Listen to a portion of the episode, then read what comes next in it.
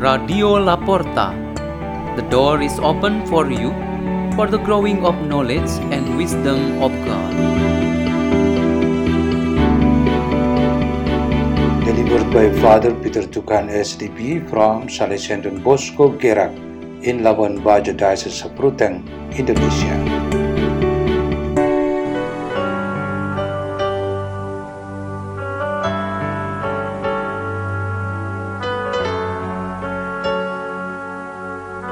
Reading and meditation on the Word of God on Tuesday of the 25th week in Ordinary Time, September 26, 2023.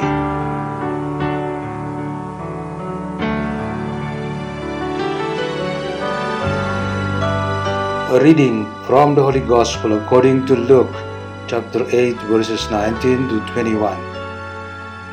The mother and the brothers of Jesus came looking for him, but they could not get to him because of the crowd.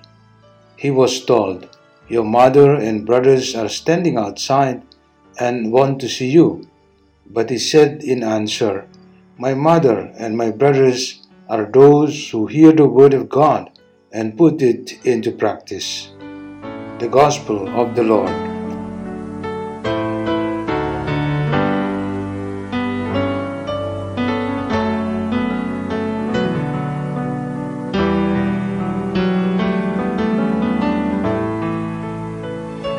Our meditation today has the theme Life is Crowded.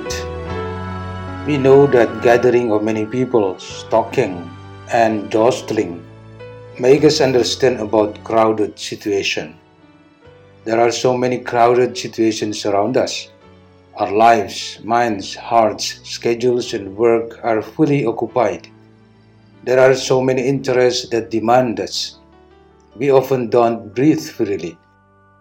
Just imagine the Israelites welcomed the announcement of their liberation by the Persian kingdom, which made them full of joy and flocked back to Jerusalem. The crowded atmosphere will include their thoughts, feelings, plans, and also their journey home. They were so enthusiastic but also struggling to get a safe place, comfortable condition, and the first opportunity. The condition of the crowd also shows how Jesus in his public ministry was often caught in the middle of the crowd.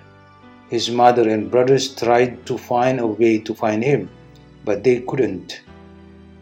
When there is no possibility to enter, this situation leaves you outside. Being outside definitely makes for a very different experience. We ourselves are sometimes in a very crowded state of mind with lots of urgent interest. We are not just confused and stupid, but we clearly feel outside ourselves. We don't feel like it's within us to control and arrange the situation so that it is nice and organized. Feeling like a failure and giving up is the result.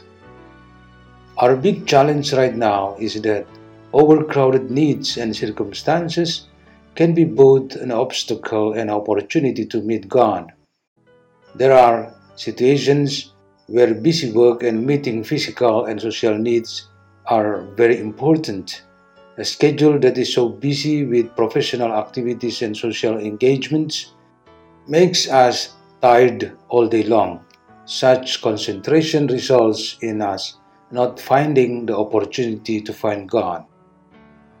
There are other situations where some people are amazed to admire others in enjoying the closeness and joy of being with God. They see other people crowded and jostling to feel the opportunity to meet God through various spiritual activities. They like to be outside and just be spectators. There is fear, nervousness, or inferiority if you want to be part of the crowd around God. Nowadays, many people are in this group. May this crowded life be interpreted correctly, namely making ourselves among the people who crowd and gather to enjoy God's presence in our lives every day. Let us pray in the name of the Father, and of the Son, and of the Holy Spirit. Amen. Lord Jesus Christ, make us always close to you to be able to receive the crowd that you proclaim and may believe that word correctly in every moment of our lives. Glory to the Father, and to the Son, and to the Holy Spirit, as it was in the beginning, is now, and ever shall be, world without end. Amen. In the name of the Father, and of the Son, and of the Holy Spirit. Amen. Radio La Porta. The door is open for you.